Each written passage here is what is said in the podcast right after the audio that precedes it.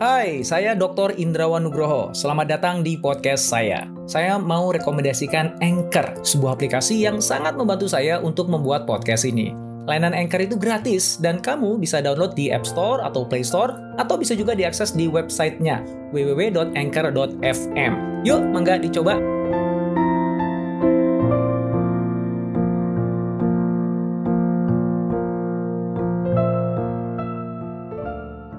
Pada perhelatan KTT G20 di akhir tahun 2022 ini, pemerintah Indonesia ingin menunjukkan pada para pemimpin dunia bahwa kita bisa punya metaverse kita sendiri.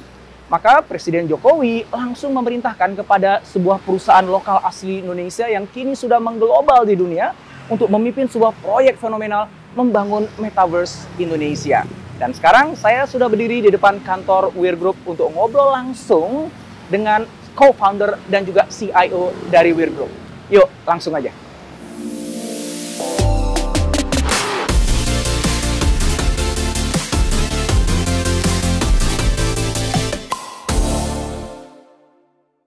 Terima kasih nih Pak Mike. Um, kami udah dikasih kesempatan untuk main ke kantor Weir Group dan bisa ngobrol-ngobrol tentang Metaverse Indonesia. Iya. Oke, Pak Mike. Kalau bicara Metaverse, dalam definisinya Michael Woody, Metaverse itu apa?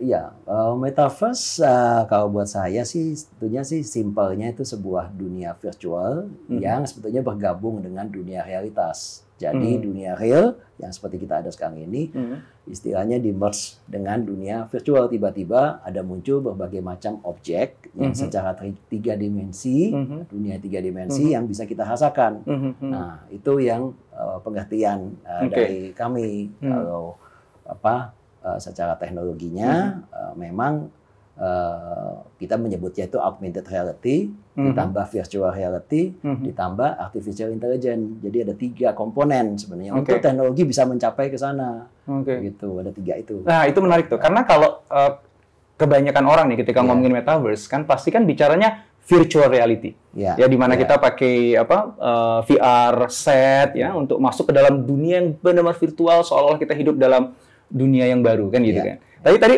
Pak Mike menyebut bukan hanya virtual reality, tapi ada augmented reality. Ya. Kemudian ada artificial intelligence. Betul. Yang tiga itu membentuk sebuah metaverse. Betul. Nah, boleh nggak dikasih elaborasi dikit nih? Karena kalau pemahaman banyak orang kan hanya aspek VR-nya saja gitu. Betul. Kalau Oke. AR dengan Ya. AI-nya itu gimana mereka ikutan menjadi bagian dari metaverse itu? Ya. Jadi mungkin sedikit definisi aja kalau virtual reality persis seperti yang Dr. Indrawan Hmm. bilang, Hmm. kita masuk ke dunia virtual. Hmm. Jadi kita immerse biasanya Hmm. menggunakan uh, device uh, bentuknya glasses atau goggles yang kitanya keblok ya matanya Ya, ya, ya, ya. nggak bisa lihat kalau Ya. kita jalan pasti ya kesandung Ya. gitu kan karena nggak kelihatan apa-apa gitu. Ini kita masuk bisa ke mana-mana Hmm. bisa pindah gitu. Atau kita pakai desktop juga Hmm. bisa. Nah, Hmm. Jadi alat apa menikmatinya itu bisa berbagai macam. Hmm. Mo- Mobile phone juga bisa. Nah kalau augmented reality itu sebetulnya konsepnya agak sedikit keterbalikan, opposite.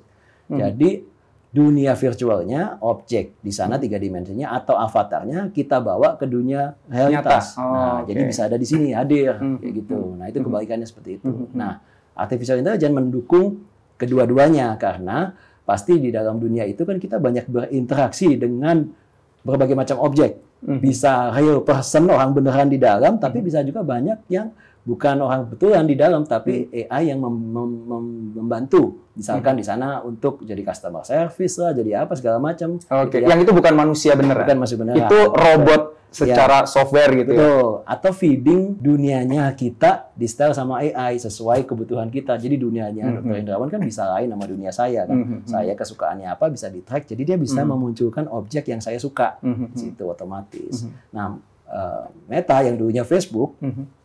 Awalnya mereka konsentrasi di VR. Mhm. Nah, dengan adanya Oculus. Ya. Oculus itu kan kacamata virtual reality. yang dibeli oleh Facebook ya. Betul.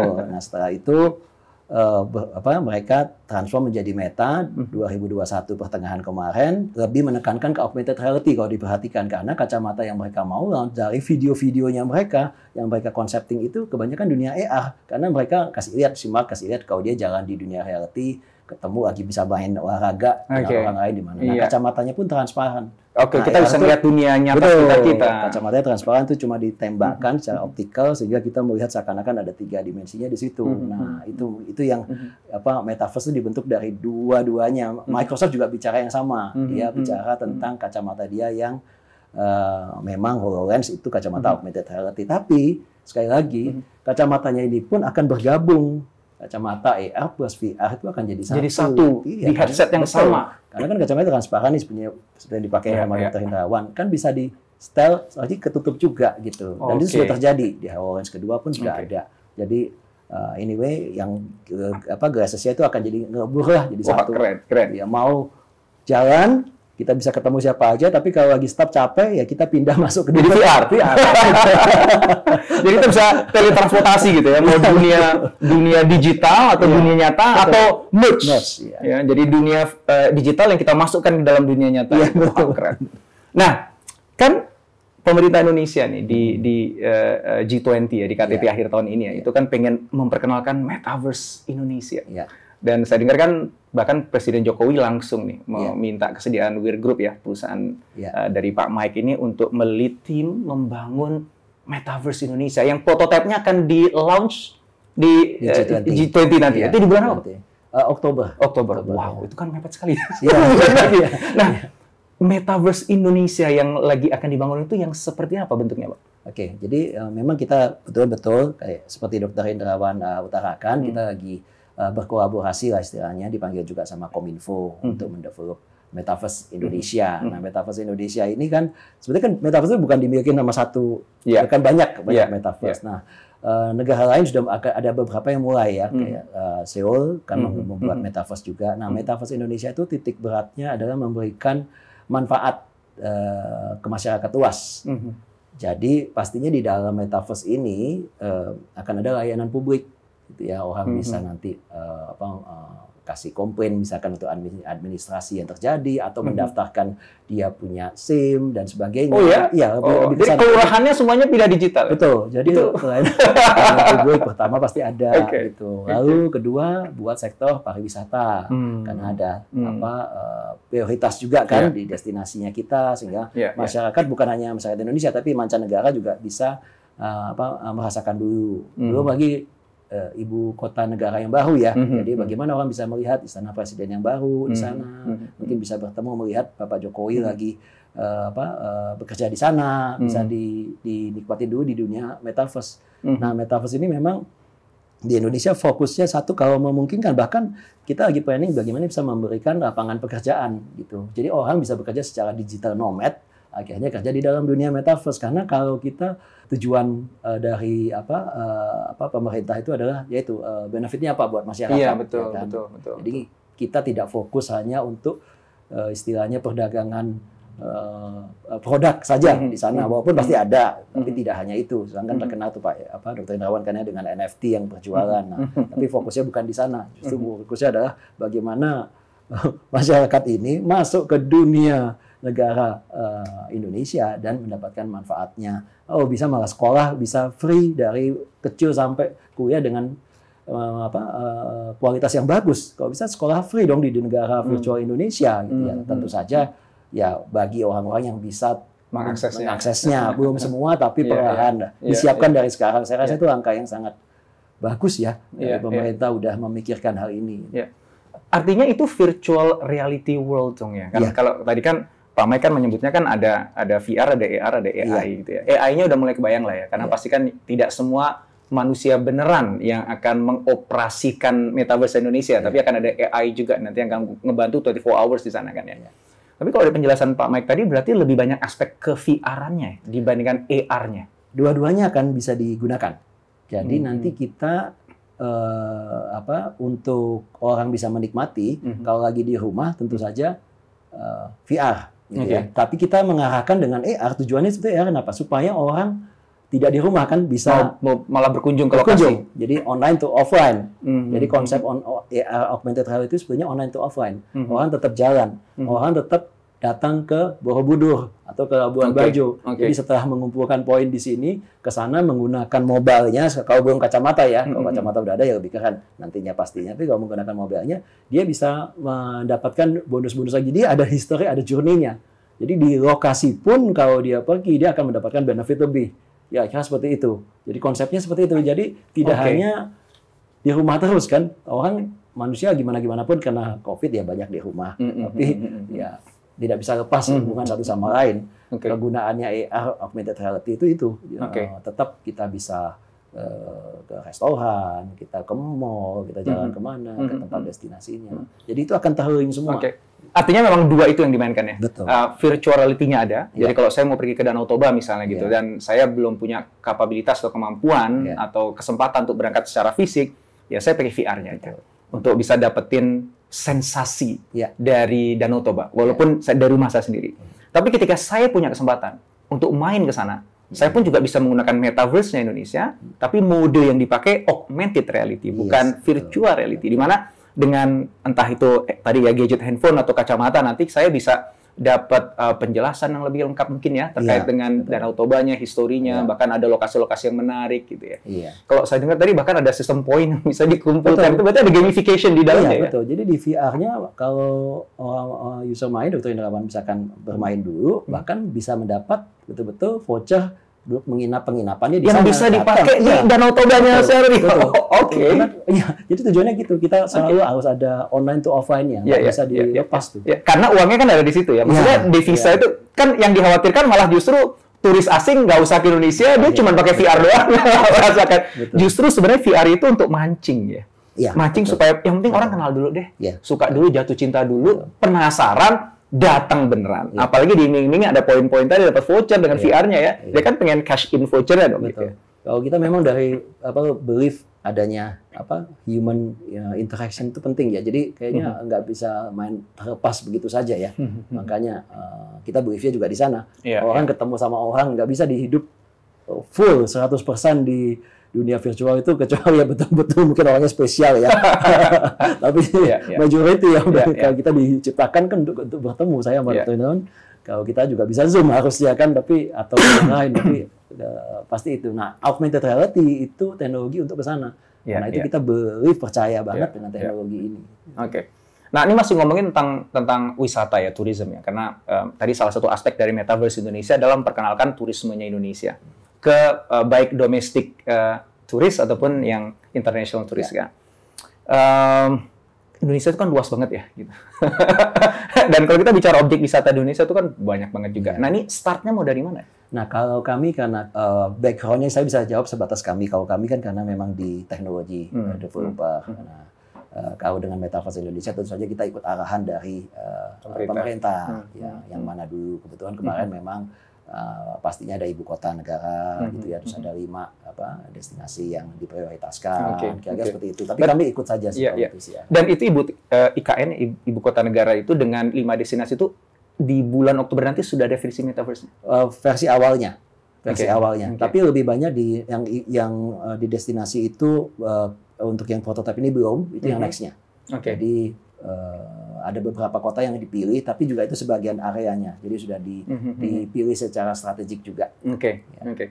Artinya di Oktober nanti sebenarnya masyarakat sudah bisa nyobain prototipe-nya dong? Iya, iya, Bisa ya? iya. Oke, udah nggak sabar. Oke, eh, kebayang sih turismenya ya. Dan menariknya itu sebenarnya ya. Jadi online to offline itu sebenarnya menarik ya. Bahwa bukannya justru kita memindahkan experience wisata ke virtual. Karena walaupun di dalam dunia virtual itu kita ada ekonominya ya. Dengan NFT dan sebagainya kan bisa juga akhirnya diduitin. Sehingga Ya. menghasilkan ekonomi. Tetapi kan yang dikhawatirkan yang menikmati eh, hasil ekonomi di dalam dunia virtual itu justru malah bukan orang-orang yang Iya. yang kita ingin bantu kan Betul. sebenarnya. Betul. Justru kan yang kita ingin bantu kan masyarakat sekitar lokal di area wisata yang memang hidupnya bergantung kepada turis yang datang ya, entah jual pernak-pernik atau makanan dan Setuju. sebagainya. Ya. Maka AR itu justru yang membantu sebenarnya. Ya, jadi dudukan VR-nya itu hanya iming-iming untuk ngajak orang datang. Ya. Jadi cara promosi yang canggih lah gitu. Ya. Daripada pasang iklan, keluar-keluar, datanglah ke Indonesia. Ya, ya. Enggak, kamu nyobain sendiri dulu deh, walaupun dalam bentuk VR. Ya. Siapa tahu kamu tertarik gitu dan Betul. datanglah ke tempat kami pada akhirnya. betul betul seperti itu persis sekali Wow. Nah, uh, tadi tourism, yang kedua adalah tadi uh, uh, pemerintahan itu ya. Jadi uh, public service. Iya. Ya. Uh, bikin KTP gitu ya. Bisa di, di metaverse Berbagai macam ya layanan Oh, publik lah. layanan publik ya? layanan publik. Oke. Bukan hanya layanan publik di IKN ya, di ibu kota negara ya, tetapi uh, Layanan. any anyone di Layanan Indonesia ini bisa dapetin layanan publik Iya. di Bisa metaverse. ngajuin komplain juga, ya kan Hmm. kalau ada administrasi yang lebih lama. Jadi seperti itu. Jadi ini Hmm. memang pemerintah inginnya men- men-speed up uh, proses Hmm, hmm, untuk masyarakat supaya mendapatkan kemudahan. Jadi Hmm, hmm. uh, targetnya seperti itu dan itu luar biasa saya lihat sih wow dari Betul, uh, betul. pemerintah itu sangat sudah sangat maksudnya uh, dengan digitalize ini sekarang lebih ke uh, di metaverse kan gitu kan. Ah, ah, ah. Karena pasti pengalamannya kan beda ya. Betul, Tiga betul. dimensi imersif kan orang-orang Iya, eh, iya. apalagi Iya. apa beda banget ya itu saya saya sih eh, maksudnya melihat wah ini eh, inisiasi yang luar biasa gitu. Iya, Jadi kita juga ikut semangat gitu Iya, ya. iya. Nah kan kalau ngomongin pelayanan publik Indonesia ini kan eh, keluhannya kan sering kali kan banyak banget ya.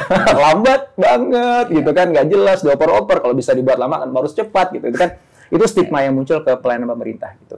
Nah kalau itu mau di metaverse kan, apakah tetap yang mengoperasikan itu manusia tapi versi virtualnya, Hmm. atau dia AI? Combine ya, combine pasti. Hmm. Sekarang sih belum bisa fully AI. eh, AI, tapi Hmm. AI akan membantu menggam- Hmm. apa, mempercepat pengambilan keputusan, Hmm, hmm, hmm. eh, memverifikasi, Hmm. ya kan, memberikan analisa Ya, kayak ya, gitu-gitu ya. ya. Jadi pasti AI-nya akan terus berkembang, Oke. cuma eh, apa eh, pasti masih mix ya. Ya. Soalnya kalau tetap manusia yang avatarnya jadi di sana, tetap aja gitu. Karena kan avatar tidak lebih cerdas dibandingkan manusia yang mengoperasikannya. Iya, iya, iya, pasti Dan kalau mentalnya birokrasi, tetap aja avatarnya birokratif juga Iya, gitu ya. Sebenarnya AI itu kan ada akan maksimal kalau menurut saya nih Pak ya, Pak Dokter ya. Jadi ya akan maksimal bila mana dia bisa menggantikan pekerjaan yang rutin. Iya, Nah, iya. Rutin, karena- repetitif, manual iya, ya. atau yang bahaya lah ya, Iya, yang udah gantiin dah dah, iya. mendingan pakai AI kirim robot gitu kan. Iya, iya, iya, iya, iya. Wow. Oke, so in the future masa depan nanti akan fully AI. Ya, tergantung di beberapa sektor ya pastinya di Oke. beberapa kerjaan tertentu. Saya Hmm, sih nggak melihatnya tidak di eh, apa bagian yang membutuhkan kreativitas atau oke. adanya empati iya. pastinya. Jadi ini ada Bisa. kaitannya sebenarnya dengan yang Pak Jokowi eh, mencanangkan bahwa eselon 3 dan 4 itu nanti akan digantikan dengan robot ya. Jadi kayak bagian dari skenario besar itu kayaknya gitu kan. Pokoknya asal mempercepat sp- speed, speed up proses dan yang rutin gitu saya rasa sih uh, AI akan Iya. maksimal lah di situ. Wow, ya. Wow. Tapi nggak bisa sih menggantikan ya. Sepenuhnya nggak bisa. Iya, tetap Iya, nggak bisa iya, sih menurut saya. Oke, tapi tetap aja jadi, jadi warning loh dia karena kan kalau dulu kan masih jadi wacana tuh ya ini gimana kok eh, ASN kita digantikan dengan robot gitu kan. Nah, Iya. sebenarnya sekarang dengan konsep metaverse ini udah mulai lebih kebayang kan. Iya. Gitu bahwa AI akan ngambil peranan yang lama-lama nanti akan lebih banyak peranannya dibandingkan manusia untuk hal-hal pekerjaan yang tadi itu ya, yang Betul. rutin, yang manual, yang repetitif dan berisiko tinggi. Siapa aja sih Pak Mike yang terlibat? Ini kan proyek gede ya, kan nggak Hmm. mungkin wir sendirian Iya, dong gitu. Itu siapa aja yang terlibat? Iya, kita sih berkolaborasi dengan banyak ya. Mhm. Jadi di dalam metaverse sendiri itu kan terjadi apa di ada ada bidang-bidangnya. Mhm. Satu memang yang di teknologi platformnya Mhm. seperti Wear gitu kan. Tapi juga ada yang bermain di infrastruktur, Mhm. ya, telco company kayak Mhm. Telkom dan sebagainya pasti terlibat juga. Mhm. Ada juga yang di hardware gitu ya. Iya. Hardware ini luas banget kalau hardware Iya, kan iya. dari desktop yang sudah ada, mobile yang sudah ada, tapi juga mulai masuk mendicanangkan masuk ke kacamatanya kan. Kacamata Oke. ini yang pasti eh, pemain-pemainnya ya perusahaan-perusahaan yang mendevelop Mhm. eh, hardware, Eh, Mhm. contohnya kan si apa Microsoft, Microsoft, ya. pastinya kan Meta, Mhm. Mhm. tapi perusahaan China juga sudah mulai banyak nih Mhm. masuk si Huawei, eh, Mhm. Xiaomi, Mhm. Oppo prototipe-nya Mhm. Mhm. kacamata augmented reality yang sudah keluar Mhm. gitu. Dengar-dengar rumor Apple juga dirumorkan Iya, iya, mau keluar dan sebagainya. Epson Jepang juga sudah Iya. ada dan dan ini eh, pemain di sini juga sudah sudah siap nih rata-rata nih kan. Oke. Indonesia saya belum tahu yang dari Iya. Indonesianya ya. Iya, Kalau dari iya. luar pasti nggak bisa lah main ke sana ini Iya, juga iya. Eh, beda kelas. permainannya lain lah Iya. gitu. Lalu ada juga yang eh, di grup yang di konten. Nah, Oke, di konten oke. ini Oke. eh, banyak tergantung sektornya kan Betul. mau sektor apa sektor tourism jadi Mhm. yang terkait dengan tourism sektor ada hotel nanti Mhm. ada event Mhm. ini pemainnya sih Oke. banyak sekali Jadi ini akan termasuk- buka banyak lapangan pekerjaan ya. iya termasuk juga mungkin seperti konten maker seperti Dokter Indrawan kan nanti ada Dokter Indrawan di sana versi Oh, siap. avatarnya kan Kita buat channel ngobrol-ngobrol di Metaverse ya. wah followernya banyak itu di sana Itu rame gitu isinya avatar semua Iya, gitu ya. avatar semua. Dan avatarnya juga bisa tidak harus wajah yang mirip, mereka boleh pilih mau Iya, jadi aneh. robot, mau macan juga boleh, jadi pocong juga boleh tuh ya aneh-aneh. Hai, sebelum kita lanjut podcastnya, kamu sudah pernah dengar Anchor kan? Anchor adalah all-in-one podcast editing platform yang saya gunakan untuk rekaman, edit suara, tambah lagu, dan semua hal dalam pembuatan podcast yang sedang kamu dengerin ini. Anchor bisa membantu kamu bikin podcast kamu sendiri loh. Caranya gampang, tinggal download dari App Store atau Play Store, atau bisa juga diakses di www.anchor.fm. Download Anchor sekarang ya. Nah, Wir sendiri perannya apa? Yang yang Kita dari awal memang berdiri kan dari 2009. Hmm. Jadi kita tanpa kita tahu ist- apa istilahnya bahwa trennya itu akan menjadi metaverse, kita memang di augmented reality Hmm. dari 2009 dan Hmm. memang kita mendevelop platform modul Hmm. eh, istilahnya untuk apa enabler Mhm. eh, dunianya. Mhm. Jadi biasanya memang kita mengerjakan banyak sekali metaverse-metaverse dari untuk perusahaan juga. Hmm, hmm. Untuk banyak yang minta ke kami dibuatkan karena eh, sistemnya kan kami sudah ada. Kira-kira seperti itu. Berarti Wir membuat apa? Softwarenya, infrastruktur Ya, dari software. awal memang kita developnya software sih. Oke. Sudah dari sudah 12 tahun kan. Oke. Jadi banyak yang kita bisa leverage lah Iya, daripada iya. kan nggak perlu dari membangun baru gitu kan Iya, dari iya, awal itu karena keuntungan kita mungkin karena itu ya karena Iya, iya. sempat duluan aja sih itu Iya, aja sih iya. mungkin. Saya eh, tertarik nih pengen dalami lebih dalam tentang Wir Group ya. Iya. Tapi sebelum sampai ke sana, eh, Pak Mike, eh, ini mungkin ada teman-teman yang ikut menyimak nih yang datang dari korporasi. Iya. Nah, korporasi itu kan eh, kepo juga dong dengan metaverse Iya. Indonesia ini gitu. Gimana korporasi-korporasi yang ada sekarang di Indonesia itu pengenan ikutan juga di metaverse Indonesia itu gimana? Mungkin apa tidak? Kalau Sangat, mungkin sangat. eh, bentuknya gimana? Eh, jadi eh, kebetulan memang sekarang lagi banyak yang lagi eh, bicarain ini dan Hmm. memang lagi tanya gitu ya Hmm. soal ini ke, ke kami juga gitu ya. Eh, jadi eh, istilahnya bisa gitu ya karena eh, metaverse kan kembali sebenarnya bisa semua orang juga bisa buat kan Hmm. bisa di mana aja. Tapi antara metaverse satu dengan metaverse yang ini apakah bisa di-link kan sekarang sistemnya? Nah, itu sangat memungkinkan. Jadi Oke. tergantung dari memang platform yang dibuat. Jadi kalau kebetulan yang bicara sama kami ya kita buatkan metaverse mereka yang pasti bisa masuk ke dalam Link ke metaverse Indonesia. Iya betul. Jadi Hmm. sistemnya pasti lebih kita bikin istilahnya gampangnya kompatibel lah Mhm. gitu kan. Hmm. Bisa anda bisa plug and play lah. gitu. Hmm. Kira-kira seperti itu. Oh, eh, jadi mereka buat metaverse sendiri ya, bukannya buat um, apa ya sebutannya dunianya on top of platform eh, metaverse Indonesia. Beda-beda. Jadi ada yang buat, Buat dua-duanya, tapi rata-rata dua-duanya atau ada yang hanya ikut di kami. di metaverse Ya, Indonesia. ada di jadi, metaverse ya. Indonesia. jadi ya udah kan udah ada lahannya dibuat Betul. ya tinggal bangun aja di atas itu itu boleh gitu bisa ya. Bisa, bisa Oke. sangat bisa. Justru lebih banyak sebenarnya ya memang yang akhirnya yang eh, jumlahnya lebih banyak yang Hmm. kalau ini memang yang khusus biasanya kan memang Hmm. mereka mungkin sudah punya apa ya eh, user base ya Mhm, mungkin mhm. mereka bisa bikin tapi kalau yang belum baru mau mulai ya ngapain kan sebenarnya buat mereka eh, apa mulai dari awal Mhm, untuk mhm. mendapatkan user base nya belum ada ya Mhm. banyak kan ikut jam langsung di sini Mhm. di metaverse yang ada. Nah ini kan eh, teman-teman itu kan semuanya kalau ngomongin metaverse itu kan eh, kebayangnya kan dibuat di atas platform blockchain. Makanya nanti ada crypto main di sana, NFT juga rame di sana gitu. Iya. Nah apakah metaverse Indonesia juga menggunakan pendekatan yang sama? Iya, kurang lebih sama iya, Mhm. kurang lebih sama. iya. Artinya kalau sekarang nih lagi semua orang teriak-teriak NFT dan kripto tuh bakalan lebih liar lagi tuh ya tahun depan. Iya, tapi iya betul juga ya. NFT itu salah satu kan, Iya, salah satu nanti istilahnya produk lah yang Iya. bisa digunakan gitu. Salah Iya. satu supporting sistem yang ada di dalam, tapi tidak eh, di dalam metaverse ini tidak selalu uh, Iya, melulu betul, NFT betul, iya. gitu ya. Ya, Dan ya teknologinya kan dibutuhkan ya untuk Iya. memastikan bahwa bisa ada ekonomi di dalam Iya. metaverse kita gitu ya. makanya kita di di bawah dimonitor juga sama Kominfo segala macam Hmm. untuk memastikan ini karena banyak kan yang teman-teman sudah kena apa kena fraud kena scam gitu Iya, kan iya, dulu betul, NFT betul. kemarin aja Iya. ada yang kemarin ketemu sama dua orang anak muda juga bilangnya Pak Michael ini kenapa begini kok saya kok bisa kena begini saya bilang, aduh Iya, iya, kayak iya, gitu iya. udah Iya, mulai itu harus hati-hati sih Nah, metaverse Indonesia ini yang punya siapa? Pemerintah Indonesia kah? Atau gabungan ini dari gabungan kelompok? dah gabungan dah gabungan dari Gabungan dari siapa aja? dari government pasti Mhm. gitu kan ya dari swastanya juga ada makanya Mhm. kalau di pemerintahan eh, sempat disebutkan juga kan ini kolaborasi antara pemerintah dan swasta lah.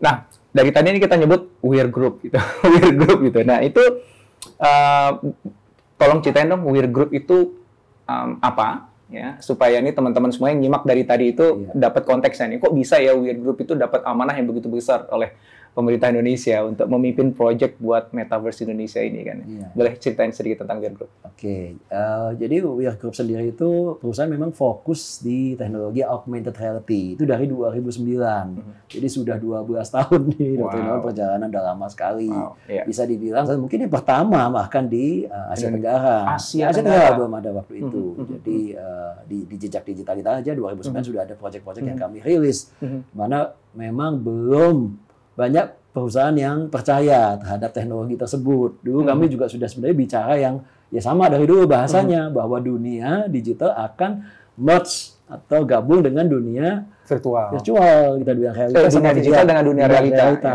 gabung dari dulu message-nya satu karena artinya augmented reality kan begitu apa Hmm. realitas yang- yang, ditambahkan Iya, gitu iya, di di augment augment. di Iya, augment kita iya. udah bilang pasti begitu gitu Iya. pemikiran dari teman-teman para founders waktu itu kan eh, mungkin karena terlalu banyak nonton film kan science fiction sepengennya Eh, gitu ya? iya Hobinya nonton science fiction dulu ya? Iya dulu kan nonton kan pertama sebenarnya bukan filmnya juga nggak terlalu science fiction mungkin dari Jurassic Park pertama kali karena Iya. ada 3D grafik yang iya. bagus Iya, iya. di situ orang bisa lihat dinosaur tapi kan di Mhm. film kan Mhm, mhm. kita kan semua berkaya bagaimana kalau dalam kehidupan sebenarnya kita bisa lihat benaran Mhm. kita apa eh, binatang-binatang seperti ini atau objek yang di depan mata kan mengayalnya begitu iya, kan iya. kok bisa muncul Mhm. gitu kan padahal ya itu film di, di, diedit ditempel lah dan sebagainya tapi ide seperti itu nah where nah lalu eh, memilih augmented reality kita tidak melakukan tidak memilih VR waktu itu karena Oke.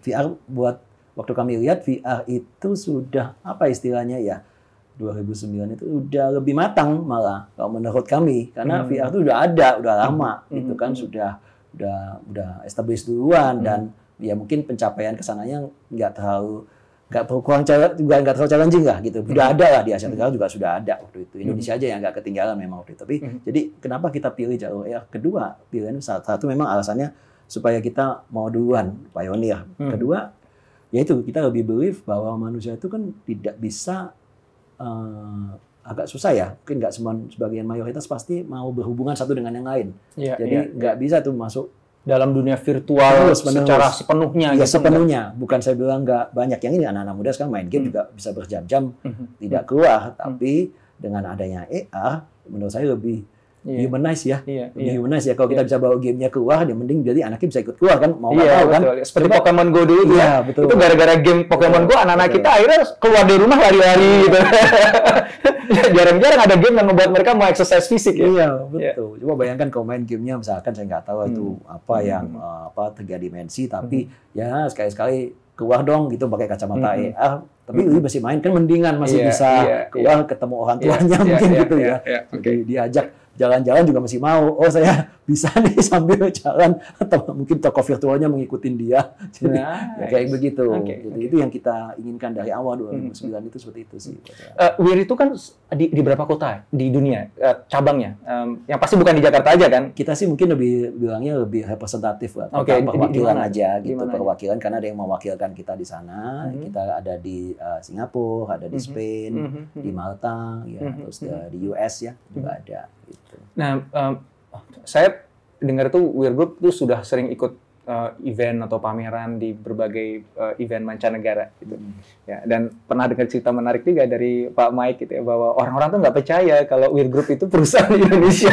Boleh cerita nggak? iya iya iya itu sering banget saya ngalamin misalkan ada satu project ya bukan di event kadang project gitu ya di brand besar dari luar Hmm, kita hmm, dipanggil hmm. Uh, ketemu di di di luar itu Eh, biasanya so- sorry sebelum saya kliennya siapa aja yang yang kita kenal mungkin Uh, klien Group? Disney dari Wow, ya, Disney. Marvel juga jadi klien. Marvel, Wow. gitu-gitu banyak jadi bisa juga kayak Cartoon Network juga kami Mhm. pernah dipanggil waktu itu sempat biasanya kadang-kadang kan di di pitch lah ya Iya, iya, pitching iya, lah iya. jadi uh, lima perusahaan dipanggil ada perusahaan US ada Jepang ada Jerman waktu saya ingat itu ada Prancis Asia Kita Tenggara cuma ya, Weir aja. Indonesia dipanggil satu waktu itu itu 2010 2011 Iya, iya. Dan dan menang ya di beberapa tender itu. Iya, beberapa kita menang, beberapa Wow. juga ada yang nggak menang. Iya. Tapi beberapa kita menang ya sampai nervous kita karena dites kan Iya, uh, iya. platform kami ini Hmm, dites. Jadi uh, lancar nggak gitu, berapa detik nggak kayak gitu-gitu waktu itu Wow, sampai dites. Nah, wow, waktu kita berhasil ya itu kadang-kadang muncul statement oh ya kamu ini ya eh, kamu kalian adalah cabang yang di Silicon Valley kan, yang di US gitu. Padahal kita kebalik representatif kita ada di sana. Oh, jadi mereka pikir Kita- Weir Group itu Perusahaan. perusahaan, Silicon Valley Iya. yang punya cabang di Indonesia. Betul. Padahal kita bilang kan ada di di US gitu. Bukan, kita perusahaan Indonesia. Oh enggak, kalian enggak, enggak, enggak. Maksudnya kalian adalah, selalu ditekankan lagi. Kalian adalah perusahaan cabang kan. Ini cabang dari perusahaan begitu. Jadi ya kadang-kadang, aduh, kenapa begitu? Gitu kan, bukan begitu. Intinya dia nggak percaya Iya. kalau ada perusahaan sekeren ini yang itu aslinya Indonesia gitu. ini nggak mungkin, ini pasti Silicon Valley. gitu. Indonesia kan cuma cabang doang ya. Ya itu beberapa kali ngalamin seperti itu itu. sakit hati ya. Itu kalau saya dengerin aja sakit hati. ya itu tapi ya apa ya jadi jadi ini sih semangat juga sih. Ah, iya iya iya. Jadi juga. jadi kayak tertantang dong Iya, gitu untuk membuktikan dan termasuk jadi pride ya bahwa Betul. kita disamakan loh Iya. sama perusahaan Silicon bahkan kita dianggap perusahaan Silicon Valley. Berarti Iya. kelasnya udah kelasnya Silicon Valley dong. Ya, itu anak-anak di tim memang saya lihat sih anak-anak Indonesia itu kreatif ya. Jadi Iya. memang pasti kan di setiap negara saya lihat culture ada kelebihan ada kekurangan. Hmm. Ya kita juga kami mengetahui kita pasti ada limitasinya juga. Tapi kan kita juga punya kelebihan sebagai orang Indonesia kan. Jadi ya selalu itu aja tinggal Iya, iya. harus kolaborasi juga. Saya bukan bilang harus kolaborasi juga karena mereka itu ada tiap negara pasti ada jagonya. Jadi kita Iya, harus iya. melihat itu ya udah sama-sama bisa di mana. Tapi Indonesianya jangan sampai nggak nggak nggak bisa menang juga dalam hal tertentu. Nah, saya sih pasti nggak bilang semua kita mesti ini. Ya, enggak, pasti tentu saja. Iya, tentu saja. Tapi seru sih, seru sih. Nah, dengan dengan 12 tahun Wir sudah berdiri dan sekarang dapat amanah besar oleh pemerintah Indonesia bangun Metaverse Indonesia. Apa visi besar dari Wir Group ke depan? Kalau kita bicara 10 20 tahun ke depan. Ya, kita sih eh, ingin sebetulnya eh, panutan kita kan ada tentu saja ada perusahaan yang besar juga di luar dan kita itu ingin menjadi seperti perusahaan eh, giant tech company yang Mhm. dari Indonesia sebenarnya pengennya Mhm. bisa masuklah ke dalam jajaran apa perusahaan-perusahaan besar ini dari Mhm. dulu eh, punya impian ke sana gitu Hmm, ya Oke. Eh, teman-teman di sini eh, Mhm. walaupun eh, semangat ada ya tapi kita sambil melihat realita yang ada Mhm. Eh, kadang-kadang juga cukup surprise juga apa yang kita sebetulnya juga dibilang pertumbuhannya itu cukup apa ya cukup eh, organik kalau dibilang Mhm, malah eh, dari Wir sendiri gitu ya. Jadi kita bukan perusahaan yang langsung lompat-lompat tempat tinggi juga enggak. Karena eh, lebih lebih apa ya bootstrap ya bisa dibilang ya. Jadi oke. bootstrap dari awal. Jadi eh, itu yang kita pertahankan. Konsistensi itu menjadi kata kunci buat kita gitu ya tapi dengan punya impian yang besar cuma ya ada beberapa hal yang kita harus jaga fundamentalnya Hmm. Nah, kami memilih jalur yang masuk memang ke fundamental dari awal. Mhm. Dari awal Jadi bukan ngejar semata-mata growth yang Enggak, eksponensial enggak, aja. Enggak, enggak. Kita enggak ada hitungan ke sana. apa alasannya? Nah, ini cukup unik sih sebenarnya juga eh, karena kebetulan saya sendiri background-nya kan di eh, di di IT ya dulu juga. Jadinya kami belajar juga tentang keadaan market yang ada. Semua ada plus minus lah kita lihat ya, eh, plus minus lah. Ada beberapa teman kan yang jauh lebih cepat gitu, Mhm. pekerjaan. Nah, Mungkin kami kurang berani gitu ya di sana gitu ya. Kami perlu belajar banyak gitu. Kurang berani gimana orang ngadunya sama Silicon Valley ke Disney. Masuk ke sana. Ini merendah aja deh. Enggak sih. Mungkin Bapak Indrawan juga justru bisa menjadi bisa memberikan advice kepada kami tapi kira-kira seperti itu. Jadi Hmm, kita me- lebih lebih prudent aja lah, lebih Hmm, menjaga hmm, eh, hmm. karena eh, kita tuh punya keinginan kalau boleh, kalau bisa dan di eh, ridhoi gitu ya sampai yang di atas ya pengen jadi legacy buat di Indonesia. Wow, Paling enggak wow, itu amin, amin. mungkin tidak sebesar yang akhirnya tercapai yang kita apa eh, inginkan, tapi inginkan. eh, at least eh, inginnya perusahaan ini bisa eh, long term ya, long term Iya, belajar dengan apa inilah perusahaan-perusahaan di Indonesia yang sudah long term juga kan Iya, banyak iya, tuh iya, yang iya. yang ini. Saya kita lebih ingin mengikut jalur ke sana, Mhm. long term memberikan legacy yang baik, Mhm. walaupun mungkin foundersnya sudah pada tidak ada itu dari dulu dari Mhm. awal kita sudah bilang karena ini Mhm. harus dikelola secara profesional dengan Iya, iya, anak-anak iya. Indonesia yang profesional Iya. bukan eh, kita-kita aja enggak ini kan Iya. mau terus gitu. Iya, kita iya, pengen iya. ngikutin jejak bajak perusahaan Indonesia kan yang berhasil udah bagus-bagus Iya, kan iya. yang udah puluhan tahun ini. Iya, Nah, itu yang menjadi apa role model kita sebetulnya. dan ingin tetap terus jadi perusahaan Indonesia ya karena kan eh, banyak perusahaan startup sekarang yang udah bukan lagi Iya. eh, iya. milik orang Indonesia Iya, gitu. iya. Jadi Wir Group punya semangat itu ya, tetap Yes, ada kita di ada semangat di situ, tapi eh, kolaborasi tetap Iya, ada. itu nggak mungkin nggak mungkin nggak lo zaman sekarang. Iya, iya, iya. Iya. Dan mudah-mudahan Metaverse Indonesia menjadi salah satu legasinya Wir Group ini. Iya. Menanamkan fondasi yang kuat dulu di Indonesia itu karena Iya. jangan-jangan uh, lebih mudah kita membenahi bangsa ini di metaverse dibandingkan di dunia nyatanya. Siapa tahu ya? Siapa tahu ya? Kita nggak tahu lah. Terakhir uh, Pak Mike, ngomongin metaverse nih. Kalau kita ngebayangin katakanlah 10 20 tahun ke depan, mana metaverse Indonesia yang sedang kita omongin ini benar-benar udah jadi kenyataan dan semua imajinasi indah kita tentang metaverse Indonesia itu beneran udah ada. Seorang Michael Budi akan memanfaatkan metaverse Indonesia itu dengan cara yang seperti apa? Ini ini personal question ya, Pak. Yeah. Uh, konteksnya nggak harus tentang pekerjaan, bisa juga tentang kehidupan pribadi. Gitu. Kita penasaran aja. Bagi seorang salah satu founding fathers-nya Metaverse Indonesia nantinya,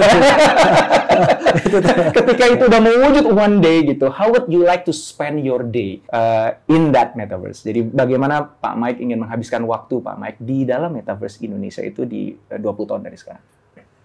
Wih, itu pertanyaan yang sangat dalam itu, Dr. Hendrawan. Uh, sempat saya berpikir gitu ya barusan juga itu uh, kalau untuk apa uh, fung, apa secara fungsi ya mungkin banyak ya yang kita bisa lakukan di dalam tapi kalau secara pribadi mungkin gini ya mungkin kita itu ya dalam metaverse itu sebetulnya ya uh, kita itu kan bisa hidup lebih lama dalam arti bahkan bisa hidup selamanya hmm. Ya kalau saya sudah nggak ada Uh, tapi ada Michael Budi di dalam di situ gitu ya. Uh, mungkin saya nggak usah ngomong saya ada Dokter Indrawan di dalam di situ. Nah uh, cucu cucu dari cucu cucu cucunya saya mungkin masih bisa ketemu saya dan biasanya bisa belajar. Oh sebetulnya uh, kakek dari kakek kakek kakek saya itu oh seperti ini gitu ya. Dan karena orang bisa hidup jadi uh, bisa lebih uh, ya tanda kutip bisa sama aja bisa lebih karena apalagi dengan ada artificial intelligence Nah, inspirasinya jadinya akhirnya bisa orang itu belajar uh, menginspirasi satu sama lain dengan orang-orang yang hebat gitu ya. Dokter Indrawan salah satu misalnya di sana dalam itu bisa seperti itu. Nah, itu wow. impian ya kalau tadi Bapak bilang percaya pribadi ya. Tentu saja kekal. Iya, mungkin iya. saya mungkin agak agak terlalu ancang mungkin menggunakan iya, kata-kata iya, itu, tapi ya. maksudnya bisa ke sana. Dan hmm. kita juga bisa ketemu kan sebetulnya dengan Eh, tokoh-tokoh hebat nanti sampai dalam berupa AI. Iya, sekarang mungkin kan belum banyak yang terekam yang sudah lewat. Iya, padahal, iya, iya. wah kalau kita dulu bisa ketemu mungkin Bung Karno, mungkin kan mm-hmm. siapa yang nggak mau ketemu? Saya juga mm-hmm. pengen kenal. Kan? Walaupun berupa AI, iya, tapi AI-nya kan di di program berdasarkan real personality-nya iya, dari Bung Karno gitu iya. gitu ya siapa yang nggak mau misalkan yeah, ketemu yeah, yeah, Gus Dur yeah. gitu kan yeah, secara yeah. pribadi gitu kan yeah, maksudnya yeah. Uh, itu kan yang didambakan ya orang yeah, bisa yeah. belajar langsung jadi yeah. uh, nilainya itu tetap bisa dipertahankan karena kehadiran tokohnya itu tetap dirasa hmm. ada jadi saya tetap bisa mengajar yeah. di metaverse yeah. walaupun saya udah nggak ada di betul, dunia ini betul jadi, jadi itu pahalanya terus ngalir itu ya. Manfaatnya terus terasa ya setelah kita. Ini wow. ini misalkan tokoh uh, apa disruptor Indrawan itu bisa ya kan di Nanti kita buat kelas bareng Pak. Pak Mike ya. Ngomongin metaverse dalam dunia metaverse gitu ya. kita udah nggak ada di dunia ini tapi kita masih bisa ngajar bareng gitu. wow, ini merinding nih. Saya merinding. Ya, ya, ya. Uh, makasih banget Pak Mike. Uh, saya terima kasih. Saya belajar banyak uh, dan juga disambut dengan luar biasa nih di kantornya Bir Group yang sebentar lagi akan pindah katanya ya. Iya, iya. di kantor yang lebih besar lagi karena memang memang impian yang besar memang harus disupport oleh tim infrastruktur yang besar juga. Yang pasti yang saya udah tahu yang besar adalah semangatnya, semangat juangnya, semangat untuk berkaryanya itu itu saya salut. So, makasih sekali lagi. Saya terima kasih. Sampai ketemu lagi, Pak. Iya. Terima kasih.